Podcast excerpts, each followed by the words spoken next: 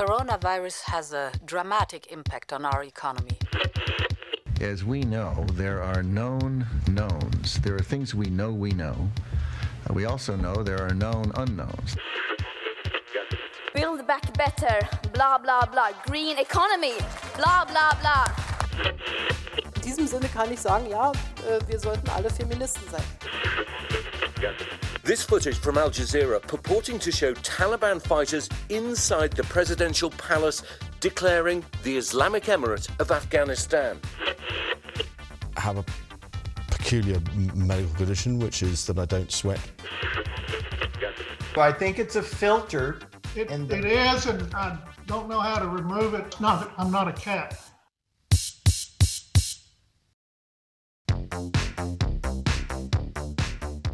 Þú ert að hlusta á heimskviður Í heimskviðum er fjallað um það sem gerist ekki á Íslandi. Ég heiti Birta Bjöstóttir. og ég heiti Guðmundur Björn Þorbjörnsson.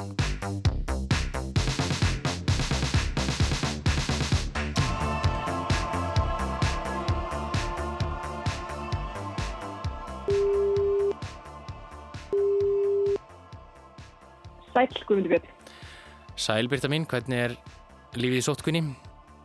Það er bara allt í lægi, takk. Þetta er nú kannski ekki fyrsta skipti sem við tökum þáttinn upp við svona óhefbunar aðstæður út af COVID. Hljóttur ekki að klóra okkur á með þessu. Jú, við gerum það og við skulum bara hefja þetta. Við ætlum að já, fjallum Grænland og Kína í dag, ekki satt? Þú ætlar að segja okkur eitthvað frá Grænlandi? Jú, ég ætla að segja ykkur frá sex manns sem fyrir þessari viku settu fram bótakröfu og hendur danska ríkinu. Þessi sex, uh, þau eru einu sem eru eftirlífandi af 22 hérna, grænlenskum börnum sem að voru tekin á fjölskyldum sínum um miða síðustu öld og fluttir í Danmarkur. Það var svona hluti af eitthvað tilhörnaverkefni og börnin áttu að læra dönsku og snúa svo aftur til Grænland til að aðstóða dönsk stjórnum til að færa Grænland einhvern veginn nær nútímanu. Og til að gera langa sögustutta þá mistókst þessi tilhörn hraparlega og þessi grænlensku tilhörnabörn þau báru fæst bara eftir þetta. Ég ætla að fara yfir þessa sögu í setjum hlutafattarins en þú gumdur að fara með okkur til Kína, er það ekki? Jú, ég ætla að tala um mál kínvisku tennistjörnunar Pong Shuai sem setti fæsluðin á samfélagsmiðlinn Weibo í upphafi þessa mánar þar sem hún greiti frá því að hún hefði verið misnúttu kynferðislega af hátsettum ráðamanni þar í landi. Fæslan var tekið niður umgis hálftíma síðar og síðan spurðist bara ekkert til hennar og þetta hefur vakið upp áleiknar spurningar varandi rýtskoðun og mannréttindi í Kína og ég ræði við Öldu Elísu Andersen stjórnmálafræðing sem er búsett í Tævan um þetta mál. Ég vil ekki bara byrja á því.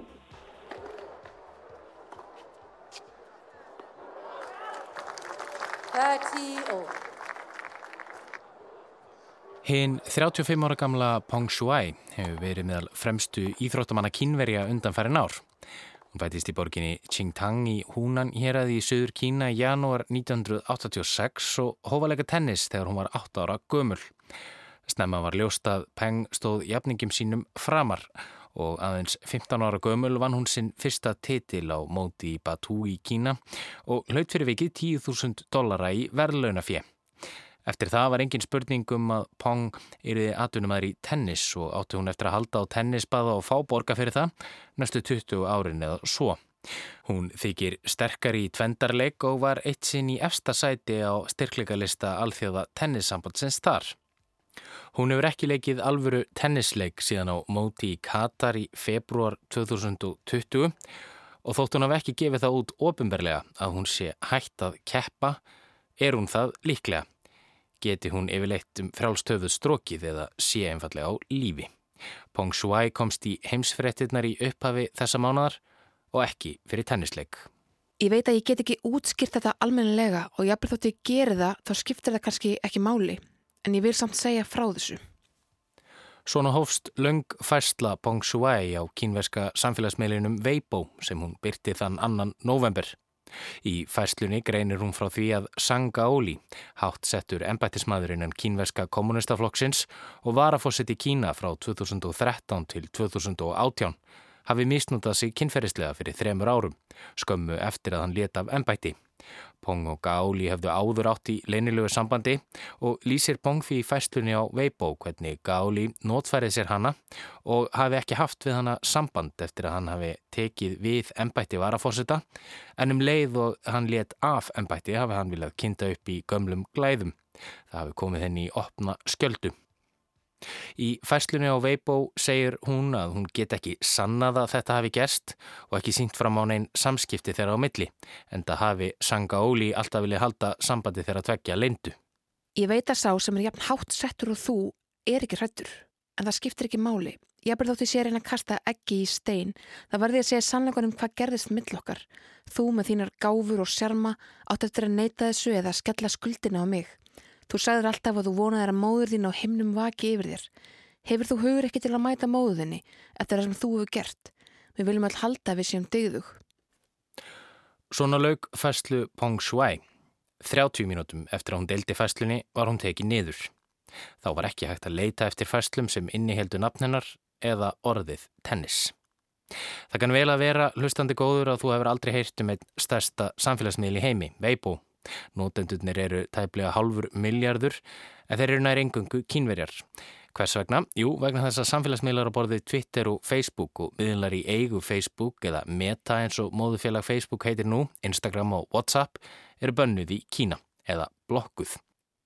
Ástæður þess að kínversk stjórnöld á hvaða banna þessa miðla á rætur sínar að rekja til óerða sem brutist út í borginni úr Múki á svæði Úigúra í norðvesturhluta Kína í júli 2009. Charles nokkur tjá greip því tækifærið og stopnaði Weibo síðar um sömarið 2009 og hefur miðlinu vaksið statt og stöðugt síðan þá. Miðl sem lítur öðrum lögmálum en Facebook og Twitter þegar kemur að reitskóðun. Peng Shuai hefur svo þurft að þóla tölvert meira en reitskóðun á internetinu undanfærin mánuð eins og við komum stað síðar í þessum pistli. En skoðum fyrst aðeins Weibo og reitskóðun í Kína. Ég heit Alda Alda Elisandsen og ég er allþjóða stjórnmálfræðingur. Alda Elisa starfar nú í Tævan en bjó þrjú ári í Kína og lærði allþjóða stjórnmálafræði í Hong Kong. Þá er hún stundakennari við Háskóla Íslands. Hún gerði meðal annars tættina kínverski Draumurinn á samt Guðbjörgu Ríkei Tórótsen sem fluttir voru hér á Rúf og fjöldluðum kínversk stjórnmál og menningu. Ég sló á þráðinn til Öldu og spurði hann út í það hvernig rýtskoðun á internetinu í Kína virkar. Það er lægt að segja að rítskoðun í Kína sé þrýþætt. Í fyrsta lagi er þessi mikli eldveggur, eða kínveski eldveggurinn, eins og hann oft kallaður. Og þá er bara loka fyrir ákveðna síður eins og Twitter, Facebook og leitavelina Google. Þannig að ef þú ert í Kína, að þá kemstu ekki inn á þessa síður nema þú sért með eh, VPN og þú verður eiginlega að fara til útlanda til þess að geta downloada VPN. Þannig fæstir kynverar eru með, eða VPN, já. VPN eða Virtual Private Network sem hefur verið kallað síndar engarnet á íslensku er nokkur skonar dullritun til þess að breyta IP-númer í tölvu og láta netþjóna halda þú sért í öðru landi en þú ert. Margir íslíkar kaupa sér til dæmis VPN þjónustu til þess að geta horta á bandarist afþreyingarefni sem er aðeins aðgengilegt þar. En gott og vel, Reitskoðin í Kína er þrýþætt, segir Alda. Það er eldvekkurinn og svo eru ákveðin leitarorð bönnuð á leitarvélum og samfélagsmiðlum. Þetta eru ákveðin leitarorð sem tengjast kannski gaggríni á stjórnvöld eða mótmælum á Torkins himneska friðar til dæmis eða eitthvað annað sem geti ítt undir vantraust á stjórnvöld. Ekki bara leitarorð, heldur líka veist ef það eru fæslur sem að innihalda þessi orð, þá eru þær fæslur á samfélagsmiðlum, þá eru þær teknar út og reytskoðunin endar ekki þar. Heldur það líka eru sluti teknir út af eftir að þeir hafa verið byrtir eins og til dæmis uh, fæsla uh, Pong Shuai að hún var tekin út af eftir á. En hver er það sem reytskoðar? Weibo er ju í engægu. Er það bein fyrirmæli frá stjórnvöldum eða eru það starfsmenn Weibo sem gera það? Sko það er náttúrulega margt sem við vitum ekki endilega um reytskoðunni í Kína og en Weibo eru með veibús hanna sjálfur algoritman en eftir reglum stjórnvalda. Þannig það er rosalega erfitt að vita veist, hvað kemur frá þeim og hvað kemur síðan frá stjórnvöldum. En síðan geta stjórnvöld og einstaklingar flaggað ákveðna fæslur. Þannig og, og oft er það þannig að veist, eins og það kemur eitthvað upp eins og bara þegar MeToo byrjaði og það byrjuði einhverjar konur í Kína að setja fæslur með millumerkinu MeToo að þá var það tekið út af internetinu, tekið út af öllum samfélagsmiðlum, ekki bara Weibo, heldur líka WeChat og Douyin og fleiri samfélagsmiðlum. Þannig það virðist vera eins og þessi samfélagsmiðla fyrirtæki sé að fara eftir reglum sem að koma frá stjórnvöldum. Segir Alda Elisa. Me Too, emitt. Að undarförnu hafa frettamiðlar víða um heim, greint frá því að Me Too reyfingin eigi undir höggað sækja í Kína. Feministar séu offsóttir og fangelsaðir og þungar byrðar séu lagðar á hendur þólenda kynferðisbrota að óglimdri fyrrnemdri reitskoðun. Umræðarum Me Too í Kína komst í hámæli eftir að Peng Shuai greindi frá samskiptum sínum við Shen Gaoli. Og nei, ekki bara vegna þess að festan hennar á Weibo var tekið niður, heldur einni vegna þess að ekkert spurðist til Pong dagana eftir að málið komst upp. Það var eins og jörðin hefði gleift hana. Þegar bladamenn spurðu Wang Wenbin, talsmann kínverska uterikisaraðunnitisinn sem um hvar hún væri niður komin, svaraði hann einfallega, það veit ég ekki, þetta er ekki diplomatísk spurning. Þann 14. november, tæpum tveimur vikum eftir fæslu Pong, kallaði Steve Simon, fósiti 2.TA, alþjóða tennissambands Kvenna, eftir því að kínversk stjórnvöld svöruð fyrir háarar ásakanir þess efnis að stjórnvöld hefðu komið Pong fyrir Katarnef. Í kjölfarið svaraði kínverska tennissambandið, sem eins og önnur sérsambund í Kína er ríkisregið, því til að Pong væri heila húfi og fólk þyrti ekki af áhyggjur. Þessi yfirlýsing gerði þó lítið til að róa taugar almennings og heimsþektra tennisspillara á borfið Novak Djokovic, Naomi Osaka, Serenu Williams, Andy Murray, Roger Federer og Rafael Nadal sem öll lístu yfir þungum áhugjum af því hvar Pong væri nýður komin. En engin svör bárust frá stjórnöldum. Hín og þessi myndskeið fór í dreifing á netinu sem átt að sína Pong hér og þar, klappandi köttum með vinum sínum eða sitjand á kaffehúsi, en þau voru ekki tekin trúanleg. Og svo 21. november gerðist þetta. The International Olympic Committee has said its president, Thomas Bach, has held a video call with the Chinese tennis star Peng Shuai, who disappeared earlier this month. It says in the 30 minute video call she confirmed that she was safe and well. Frettaþulur breska ríkisútarpsins BBC greinir hér frá því að Pong Shuai hafi rætt við fórsetta alþjóða olimpíunendarinnar Thomas Bach í myndsýmtali. Nemndin gaf það út að Pong sé heila á húfi og við góða heilsu á heimili sínu í Peking en óski þess að fá að vera látin í friði af fjölmiðlum. Nemndin byrti ljósmynd af samtali þeirra Pong og Bach en ekkert myndskeið. Steve Simon, fósetti alþjóða tennisambands Kvenna, sagði í kjölfarið að þótt að það hefði verið gott að sjá þessa ljósmynd breytið það engum þær áhyggjur sem sambandið hafi af velferð Pong Shui eða rétti hennar til að tjá sig án þess að vera reytskóðuð eða ógnað á einhvern hátt. Það þurfi hugur ekki til að greina frá kynferðisleiri misnótkun. I'm very concerned about the, the challenges that come somebody has the courage to step up and speak out or, or, bring a past experience that is tied to sexual assault or harassment, it takes an awful lot of courage just to get to that point. And now she's at a point where she's also she's dealing with, I'm sure, uh, feeling uh, pressures uh, if she is hearing what's going on about everything else that's that's happening surrounding this. Enn er ekkert vitað hvort Pong Shuai getum frjálst höfuð strókið eða hvort meint samtal hennar við fósetta alþjóða olimpíunemdarinnar hafi verið einlegt. Það er að hinum einn við myndavilina hafi ekki staðið einhver fulltrúi stjórnvalda. Spjótin standa því ekki aðeins á Kína, heldur líka á alþjóða ólimpíunemdini og ekki aðeins fyrir þetta atvik.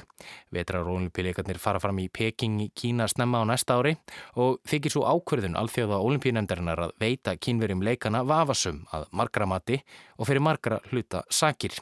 Ekki aðeins fyrir fyrirnemdar tilurinnir til skerðingar á tjáningar og málfrelsi, heldur líka fyrir mannreittindabrót stjórnvalda á úígúrum í norðvesturhluta landsins sem við höfum rættum hér í heimskvöðum.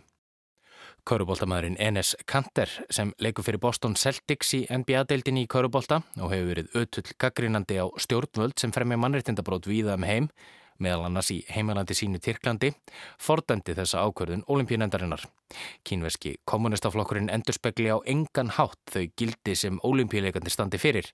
Þetta sé innræðisríki sem stundi mannreitindabrót, halli réttum máli og hagræði sannleikanum málfrelsi að vettugi eins og hann frá í viðtali við Fox sjónvarpstöðuna í vikunni. I mean, first of all, the Chinese Communist Party does not represent the Olympic values of excellence, of respect, of friendship, and they are a brutal dictatorship and they engage in censorship, they, thre they threaten the freedoms and they don't respect human rights and they hide the truth. Hér áðan nefndi Alda Elisa Andersen MeToo-hreyfinguna í tengslum við reytskoðanar tilbyrði kínverskra stjórnvalda. Sem fyrir segir hefur MeToo umræðan í Kína staðið höllum fæti. Andofskonan og MeToo-aktivistinn Sofía Huang var handtekinn í september ásökuðum undirróður gegn ríkinu og fátítt er að kynferðisbrotamál ná inn í réttarsal. En sjálfgefara er að dómar falli gegn brotamönnum. Að einhverju leiti kann þetta að koma á óvart. Því kínverjar og kínversk stjórnvöld eru þrátt fyrir allt framústefnulega mörgu leiti.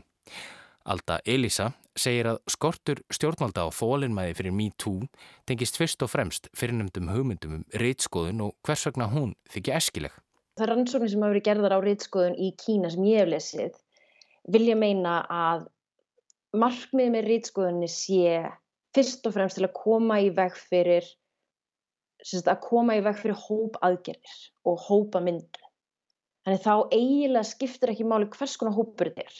Hvort það sé trúarhópur, feminískur hópur, ef þetta er hópur sem þykir sko líklegur til þess að geta komið með einhverjum svona samaðgerðir, að þá eru þessir hópar ofta tíðum rittskoður. Tilraunir stjórnvalda til að kaffara MeToo umræðina í Kína tengist ekki svo mikið úreltum kynjasjónamiðum að mati öldu, þótt kynverjar séu engað síður ekki framarlega á vagnni kvennirtinda. Auðvitað það eru ekki mikið af konum sem eru í áhrifastöðum innan kommunistaflokksins. Að maður þarf bara að horfa myndir, á, sagt, myndir af eh, fundum frá þeim til þess að sjá það. Þannig að það er, já, mér finnst erfitt að alhæfa um það, hvort þetta tengist einhverjum úreltum hugmyndum um kynin. Að, þannig ég myndi frekar segja þetta væri ástæðan af hverju það hefur verið að reyðskoða þetta. Þessa umræðu er til þess að tryggja stöðuleika innanlands sem er eitthvað sem kynur stjórnvöld leggja alveg greiðlega miklu áherslu á. Þetta sé mögulega þá bara einhver lína sem stjórnvöld eru búin að setja, þetta er bara svona reyfing, þetta getur valdið vandræðum, burt með þetta já, frekar heldur en að það sé eitthvað svona þú veist, heyrðu, við viljum ekki þetta við viljum ekki þetta. Það verðist vera viðleitt í stjórnvalda að þau vilji koma í veg fyrir þessa hópamyndun. Og það er ekki bara á samfélagsmiðlum, heldur líka veist, utan samfélagsmiðla. Þannig að hópanir sé ekki of stórir. Hópar með að vera litlir en ekki of stórir. En svo er önnur ástæða fyrir því að stjórnvöld eru kannski ekki svo hrifin af MeToo, segir Alda. Og það tengist þungamiðju stjórnvalda í kínversku samfélagi. Kynum stjórnvöld vilja vera reyfiaflið í samfélaginu. Að þegar það hefur einhverja breytingar á samfélaginu þá vilja þau freka vera að leiða þessar breytingar heldur en að þau sé að fylgja einhverjum trendum sem er í gangi í samfélaginu.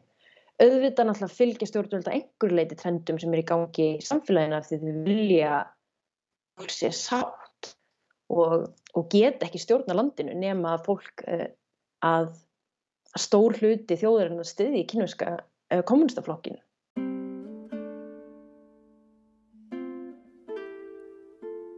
En vikið aftur að Pong Shuai og örlögum hennar. Hvernig hafa fjölmiðlar í Kína fjallað um hennarmál og hefur svo umfjöllun verið óhlutræk? Uh, bara alls ekki. Það er, það er valla fjallað um þetta. Að það er svolítið svona stefna hjá kínuskum fjölmiðlum að fjalla ekki um neikvæða hluti sem að tengjast Kína. Frettir á kínuskum fjölmiðlum eru almennt rosalega jákvæðar og það hefur valla verið fjallað um þetta. Fjölmjölum og samfélagsmiðlum. Ég veit ekki nákvæmlega hvernig þau sko fjölluð um það að það sé í lægi með hana en ég las allan einhver staðar að það hefur verið svona svolítið vandraðalegt fyrir einhverju fjölmjölamenn sem voru að reyna veist, að sína fram á það að það væri í lægi með hana en gáttu samt eiginlega ekki talað um máli sjálft En eru þá öll stór samfélagslega álítamáli Kína þögguð niður? Nei, segir Alda, stjórnveld leifi eitt og annað. Það má bara ekki fara yfir strikið af ótta þeirra við óæskilega hópamyndun. Í Kína þú veist að það má rosalega margt, en það má bara ekki fyrir of stórt svolítið. Já, veist, og hérna, þannig að fólk er að tjá skoðanir sín á Weibo allan dag. Að tjá skoðanir sín á hinu og þessu en það er svona, já, það er alltaf þessi hræðsla um þessa hópamyndu þú veist, ég hef alveg séð fæslur á íbúða sem hefur verið að gaggrina stjórnvöld eða einhverja ákveðna ákvarðanir og sumt að þið tekið niður, annað er ekki tekið niður og stundum er þetta tekið niður en það er einhver aðrar afleðingar fyrir þann einstakling. Alda segist ekki geta lagt dóm á það hvar Pang Shui sé niður komin, hvort hún sé heila húfi eða frjáls ferða sinna. Það sé einfallega ekki vitað. Hins vegar eru mýmörg dæmi um það að fólk sem gaggrinir stjórnvöldi Kína sé látið hverfa. Já, Það var til dæmis uh, bókasal í Hongkong, ég held að það verið 2016, kannski 2014 maður ekki alveg, sem að var að selja bækur í Hongkong sem voru mjög gaggrinnar á Xi Jinping og Kínar stjórnvöld. Hann kvarf og síðan bara dúkar hann upp einhverju setna og er þá bara mjög augljóslega er þetta einhver fölsk. Já, er hann að segja hluti sem að maður kannski heldur ekki endilega, ekki kannski endilega líklegt að hann hafa ákveðið sjálfur að segja verðist vera þvinguð svona hjáttning. Mál bóksalans í Hong Kong og hjáttning hans minnir óneitanlega á mynd samtal Pong við alþjóða olimpíunendina.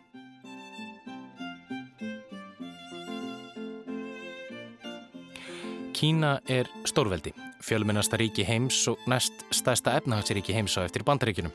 Það ræður einn flokkur völdum, kínverski kommunistaflokkurinn og hefur gert frá því að Mao Zedong komst til valda 1949. Því er verðt að velta fyrir sér hvort ákall hinn á þessa þjóðríkja, alþjóðastofnana og mannreitindarsamtaka um að hitt og þetta mætti betur fara í Kína, að það reysi stað samfélagslegar úrbætur sem við tökum sem sjálfsögum hluta á Vesturlöndum, hvort að þær skipti kínverja einhverju máli?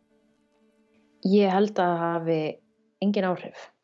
Enda myndi Kína líta út fyrir að vera mjög veikt ríki innanlands ef að ef þau verið að gefa sig undir kröfur Vesturlanda.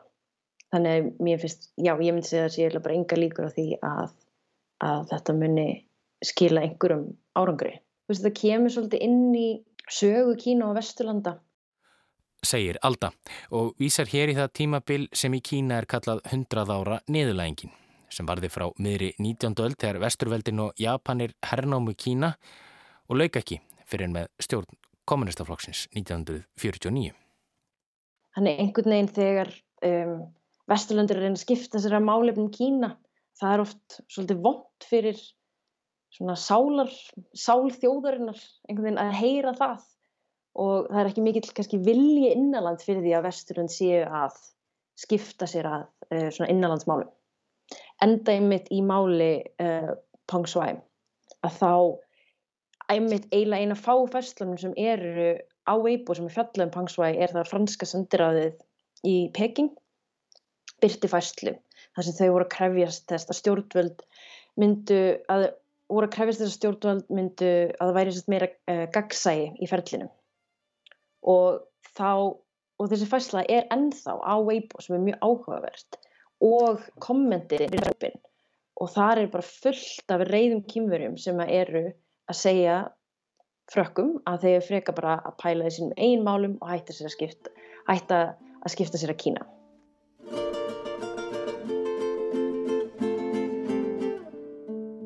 Árið 1951 voru 22 grænlænsk börn tekinn frá fjölskyldum sínum og flutt til Danmerkur.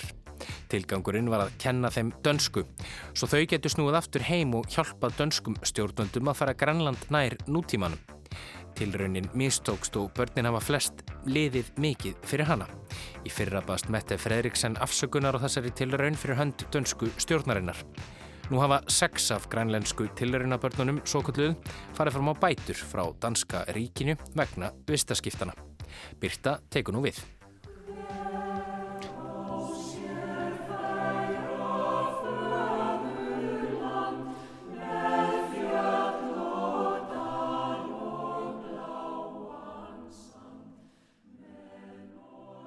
Árið 1951 voru liðin sjö ár frá því að líðveldið Ísland var stopnað. Sjálfstæði var tryggt á meðan Danmörk var hernuminn eins og fræktir.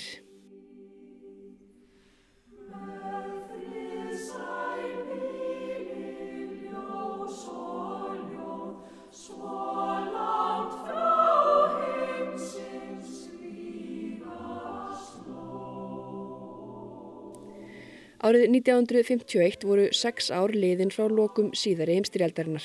Danir, líkt og fleiri þjóður Evrópu voru í sóknarhug. Nú skildi byggja og bæta og endurreysa. En af hugmyndum danska stjórnvalda til þess var að færa Grænland nær nútímanum. Danska tungan var talin leiki latriði í þeirri vinnu. Og það var þess vegna að þarna árið 1951 var sett í framkvæmt þessi aðgerð hverjar afleðingar við fjöllum um í þessum pisli. Það voru dönsk stjórnvöld, Rauðikrossin og barnadeild Rauðakrossin sem stóðu að verkefninu.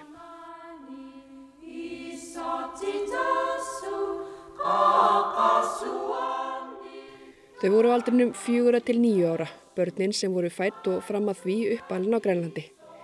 Þau fengu sjálf litlar upplýsingar fyrirfram þegar þau voru tekinn frá fjölskyldum sínum og flutti yfir til herra þjóðarinnar Danmerkur. Tilgangur tilraunarinnar var tvíþættur. Í fyrsta lagi áttu börnin að byggja brú á milli Danmerkur og Grænlands.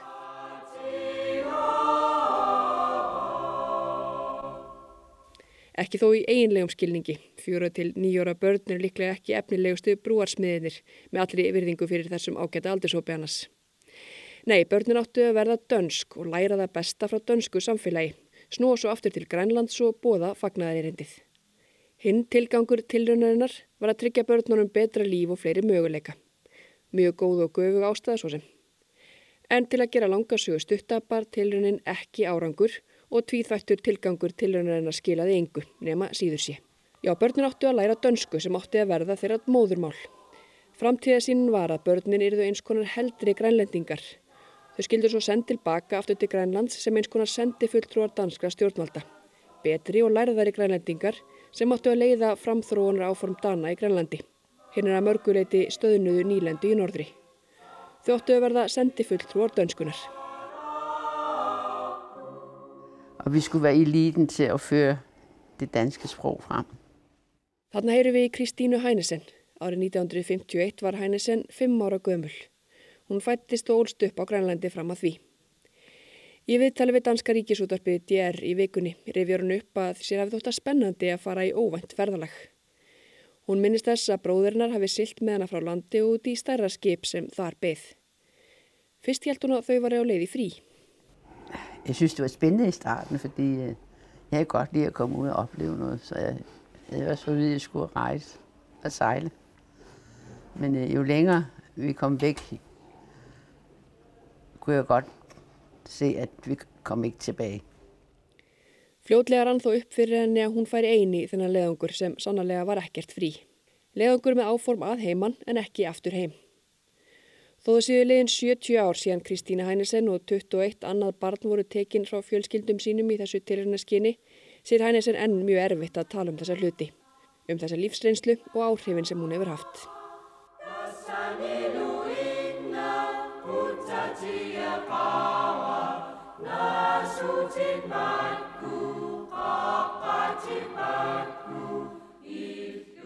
Það var í höndum danskra presta sem störfiðu vitt og breytt um Grænland að velja börnin. Þau áttu að vera á aldrinum 6-7 ára, vera heilsurhaust og vel gefin og svo áttu þau að vera fóraldralaus. Ekki fundust hins vegar nægilega mörg börn sem pössuðu uppskriftinni og hafðu einnig mist fóraldra sína. Úr varða aðeins 6 af þeim 22 börnum sem voru valinn til ferðarnar hafðu mist fóreldri. Þá náðist heldur ekki að fylla kvótan með aldurstakmörkunum sem fyrst voru sett. Þannig var yngsta barnið sem sendt var að stað fjögur ára en það elsta nýju ára eins og áður var getið. Börni voru vistuð á söður sjálandi fyrst við komuðu til Darmörku. Döldi þar á barnaheimili þar til fóstur fjölskyldur tóku einhver þeirra að sér. Börnin dvöldu í Danmörku á annað ár og voru þá flest sendt aftur heim. Reyndar aðeins síðar en áallad var. Fjölskyldu þeirra stóðu þó ekki á dýraþrepinu og tóku á mótunum við heimkomuna til Grænlands. Börni fóru ekki heim, þau voru senda á sér útbúið barnaheimili í núk, þar sem áttið að halda áfram með tilunina. Bygging þess barnaheimilis drókst aðeins á langin. Þegar það var loks tilbúið varð úr að 16 af börnunum 22 voru sendangað. Seks barnana eruði eftir í Danmörku og voru ætleita fósturfjölskyldunum sem tókuðu að sér.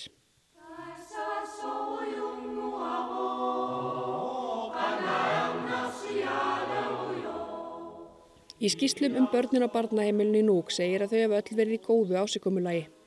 Söknuðurinn eftir fjölskyldum þeirra var þó sár og þess er hvergi getið í skýslunum. Þegar þau snýra aftur til Grænlands höfðu flest þeirra tapað niður grænlenskunni. Þau voru setta á barnaheimili þar sem engungu var tölu danska. Það verðist hafa glemst að gera ráð fyrir þeim möguleika því það er sannlega erfitt að ætla að byggja upp brúmillir Danmerkur og Grænlands ef þú talar bara dönsku. Börnin voru því mállösi í heimalandinu þegar koma því að tjási við leikfélag eða fjölskyldur á Grænlandi. Það reyndi, reyndir ekki mikið á fjölskyldusamskiptin því börnin byggu jó og barnaheimilin núk fram á úlingsaldur og áttu ekki í neinu sambandi við fjölskyldur sínar sem byggu víða um Grænland. Þau eruð því dönsku mælandi grænlendingar mállösi í eigin heimalandi.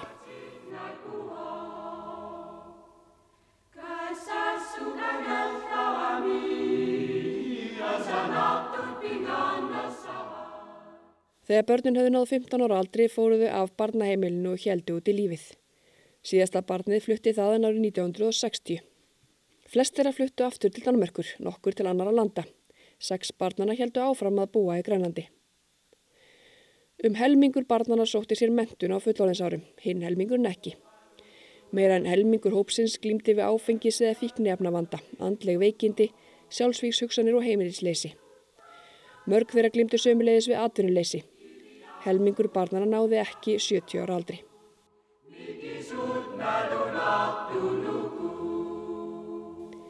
Þessar upplýsingar um tilrunina og áhrif hennar eru fengnar úr skýrslu sem unnin var að frumkvæði danskra og grænlandskra stjórnvalda um málið. Þetta er ekki í fyrsta sinn sem málefni tilruna barnana eru rætti í fjölmiðlum. Árið 1998 kom út bókin Í den beste mening í góðri trú eftir Tíne Bruls. Bókin segir frá örlugum barnana. Árið 2010 var gerð kvikmynd eftir bókinni. Myndin heitir Experimentet eða Tilunin. Þá hafa komið út æfirsögur minnst tveggja þeirra barna sem voru látin taka þátt í tiluninni. Allar umfjallanir sem þessar hafa kveikt á ljósuminni að danska þinginu og krafanum að stjórnvöld byggist afsökunar verið hávær mjög reglulega. Danski þáverandi fórsættisráþrann Lass Lukke Rasmussen og kollegi hans, formaður grænleinsku landstjórnarinnar Kim Kielsen, komið sér saman um stopnun rannsóknarnemdar. Nemndin skilaði niðurstöðum sínum í fyrra og niðurstöðan var skýr. Tilunin mistókst og hafði mjög alvarlegar afleiðingar fyrir börnin sem voru látin taka þátt í henni. Þetta var í fyrra og þegar skýslan kom út bað Mette Fredriksen, fósittisráðra, börnin afsökunar fyrir höndönsku ríkistjórnarinnar. Þar sáðum meðal annars að ekkert tillit hafi verið tekið til barnana sem manneskja. Mörg þeirra hafi í tiluninni bæði mist fjölskyldu sína, ættingja, tengslinn við sögu sína og föðurlandið. Vi kan ikke ændre fortiden, men vi kan tage ansvaret på os og undskylde over for dem, som vi svigtede. Vi getum ekki breytt fortíðinni en við getum beðið þau afsökunar sem við brugðumst. Í brefinu sem ég sendiðum beðist ég einlaglega afsökunar fyrir hönd Danmerkur, saði Fredriksen. Áður nefnd Kristín Hænesen, ein af sex eftirlifandi fyrrum tilunabörnunum, segir afsökunarbeðin að hafa skipt sér máli. Hún sé staðfesting á því að þetta hafi í raun gerst og að það hafi verið ránt. Hennisen segist hafi verið hærð yfir orðum fósettisráðræns í fyrra því börnin hafi barist fyrir afsökunarbeginni lengi. Henni fannst þó að Fredriksson hefði átt að hitta þau í eigin personu. Og så har vi jo søgt den der undskyldning i så mange år, og så har også fået den nu.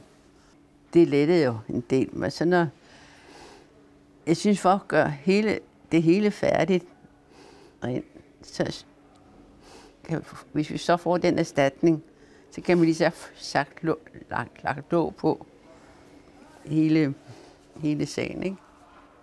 Og så får man ro. Hænesen segir afsökunarbeðina sannarlega skrifi rétt átt. Bætur geti hins vegar hjálpa til muna þeim sex sem eftir eru að loka málinu, leggja loka á það eins og hún orðaða sjálf. Þá fær maður ró, segir Hænesen. Hænesen er ein af sex tilhörna börnunum sem ennir á lífi. Þau fóru í vikunni fram á bætur frá Danska ríkinu fyrir tilhörnina. Hvert er að vil 250.000 danska króna í bætur, það eru rúmar 5 miljónir íslenska króna. Hann heitir Mads Pramming, lögmaðurinn sem sækir málið fyrir hönd sexmenningana. Hann segir að með því að byggast afsökunar séu dönsk stjórnvöld að viðurkenna að eitthvað hafi verið gert rangt. Því sé næsta spurning eðlilega, hvernig ætla stjórnvöld að bæta fyrir mistökinn? Det betyder rigtig meget for en undskyldning selvfølgelig, men man kan sige, hvis man siger øh, undskyld, så er det jo fordi man har gjort noget galt. Og så må det næste spørgsmål også være, hvad kan jeg så gøre for at gøre det godt igen? Og der er det bare sådan juridisk, at den måde, man viser, at man vil gøre det godt igen på, den måde, man reparerer en krænkelse på, det vil at betale nogle penge, og her jo i nogle beløb, der efter min opfattelse bare er symbolske, øh, fordi de er så lave. Ikke? Men, øh, men ja, jeg tror, det er alvoren bag undskyldningen, kan man sige, de mangler. Øh, med, og det de prøver at få med, med at rejse den her sag. Plamming segir eðlilegt að stjórnvöld greiði þessa sangjörnu bótakröfu. Greiðslan væri staðfesting á því sem gert hafi verið á rétt barnana og viðukenning á því að þau í skilið að fá eitthvað bætur til að reyna að bæta þeim varnægsluna að einhverju leiti. Alvöruna á bakvið afsökunarbeðina vandi og fyrir henni pramming að ná fram með kröfunni um bótagreðslir. Krafa þeirra sex var í vikunni send til fósættisraðanittis Dalmerkur. Hafni dönsk stjórnvöld kröfunum um bætur leiðir lögmaðurinn pramming kröfu þeirra fyrir domstólum.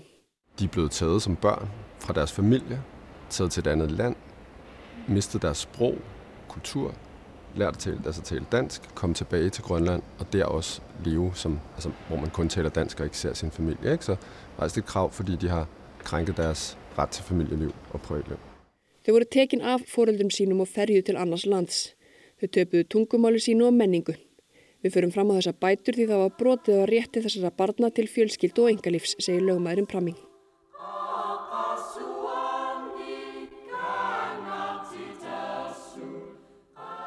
Pramming er ekki ókunnugur málsóknum af þessu tægi. Fyrir á þessu ári leiti hann mál Gotthánstrengjana svo kölluð. Manna sem byggu við ömulegar aðstæður upptöku heimilinu Gotthán á árunum 1946 til 1976. Þeir fengu fyrir á þessu ári 300.000 danskar krónir í bætur frá danskum stjórnvöldum vegna vistarinnar. Það eru rúmlegar 6 miljónur íslenska króna eða við miljón meira en lögumæðurinn krefst fyrir hönd tilhjónabarnana. Pramming segir að þó mikið líkindi síðan með málunum tveimur er þó eðlismunur fyrir dómstólum. Í tilfelli drengjana á Gotthán var um brot á lögum um pyntingar og ofbeldi. Í tilfelli grænleinsku tilhjónabarnana er grunur um brot á lögunum um rétt til fjölskyldu og engalífs. Viðlögu brotum á því síðarnemda eru alla jafna vægari en við því fyrirnemda og þess vegna sækir pramming um örlítið lagri bætur fyrir tilhjónabörnin.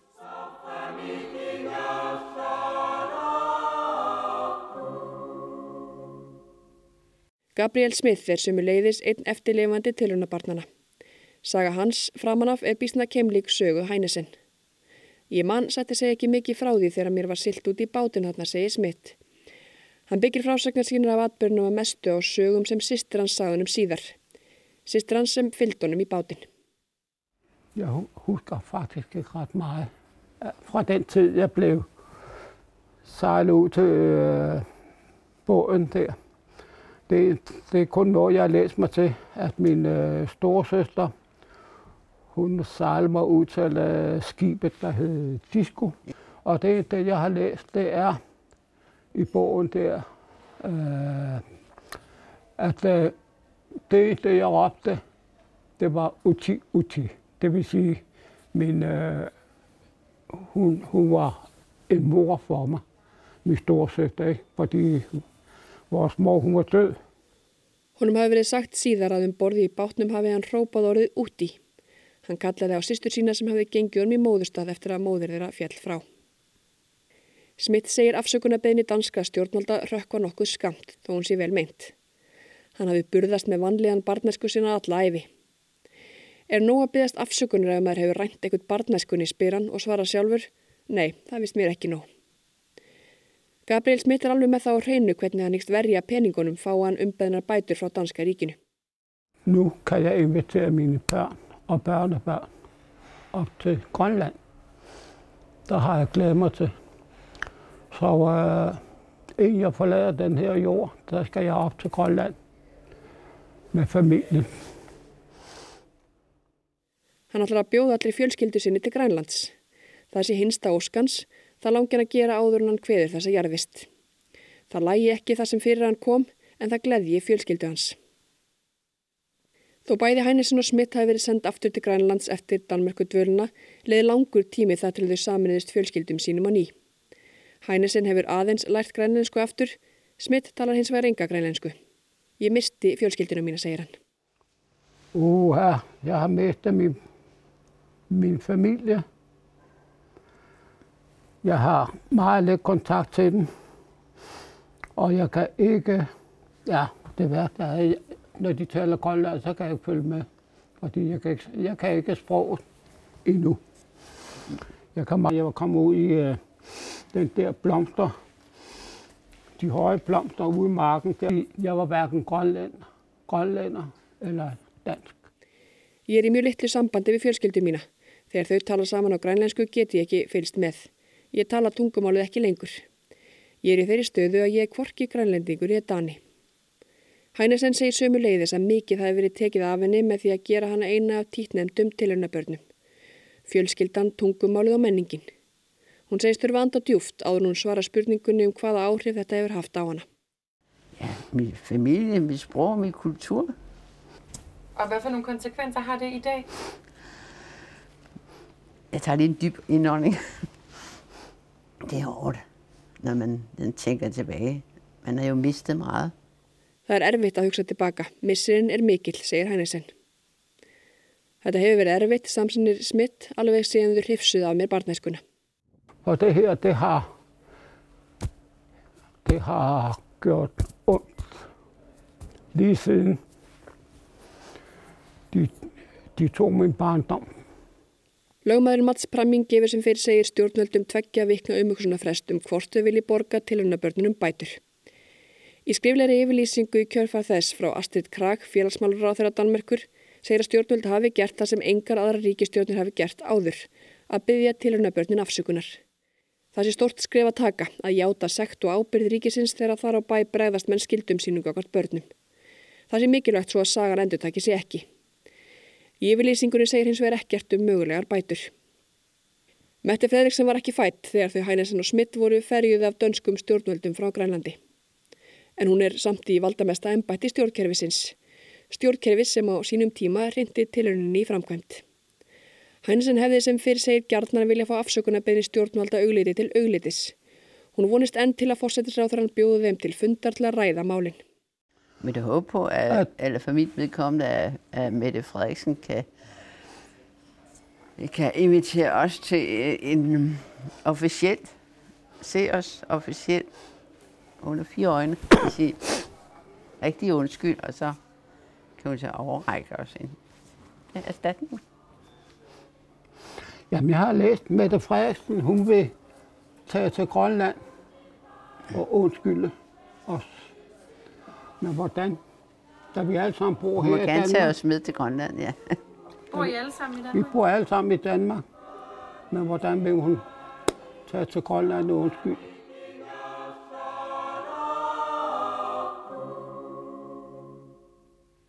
Smitt segist hafa heyrt af áformum Fredriksen um að fara til Grænland til að byggja við afsökunar augliti til auglitis. Hann segist ekki skilja hvað hann ætla að vilja þangað, þau sex sem eftir lifi búi allir í Danmörku. Í landinu sem þau voru sendt til sem börn til að byggja brú yfir til Grænlands. Heimalandsins sem þau þekkja ekki lengur.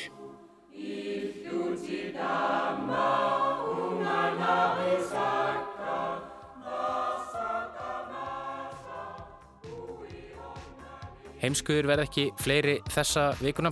Birta, ertu þarna á línuna þá? Ég er hérna en þá, við ef ekki að heyrast bara aftur í næstu viku og þá vonandi ekki í sokki.